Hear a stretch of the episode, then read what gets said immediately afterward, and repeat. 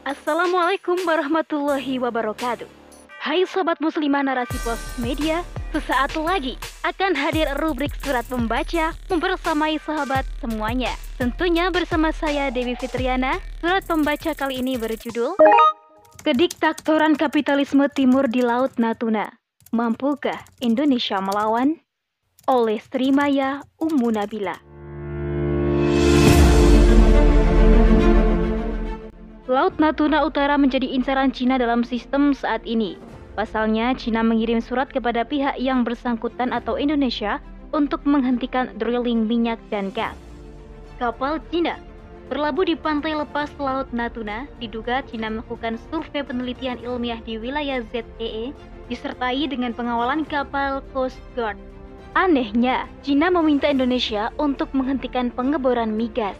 Padahal menurut Konvensi Hukum Laut PBB, wilayah laut lepas pantai di Natuna Utara berada dalam hak kedaulatan Indonesia. Artinya, Indonesia memiliki kewenangan penuh dalam mengeksploitasi pangan sumber daya alam di wilayah tersebut. Protes Cina ini pertama kali dilaporkan oleh kantor berita Reuters yang menghentikan pengeboran minyak dan gas di wilayah Natuna dikarenakan Beijing mengklaim bahwa eksplorasi sepenuhnya dilakukan oleh Cina.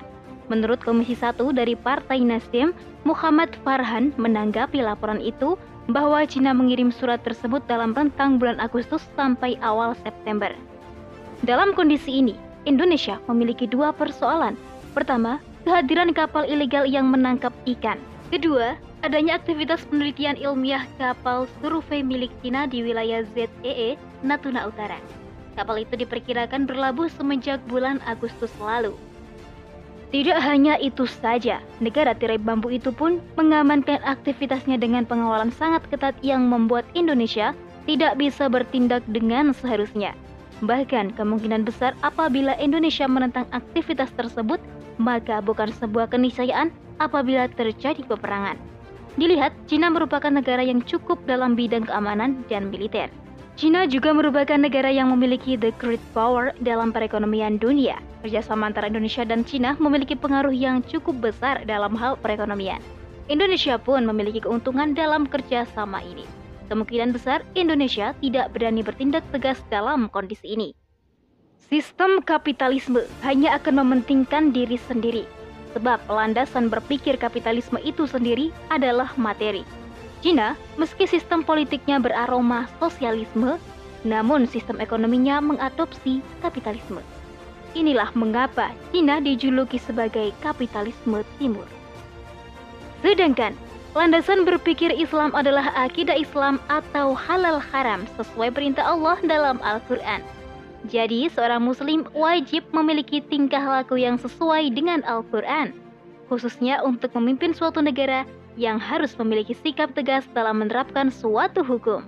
Dalam Islam, sumber daya alam tidak boleh diperjualbelikan dengan dalih materialistis untuk pemulihan perbaikan ekonomi dengan mengorbankan aset publik, apalagi dimiliki negara asing yang sangat jelas memusuhi Islam.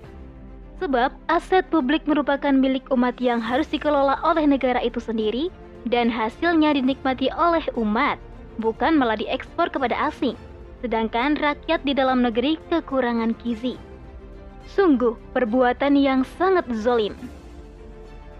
Sudah semestinya sistem kapitalisme dibuang pada tempatnya dan menjadikan Islam kafah sebagai asas negara dalam naungan khilafah Islamiyah yang berlandaskan akidah Islam. Al-Quran telah menjelaskan bahwa Allah adalah sebaik-baik pembuat hukum.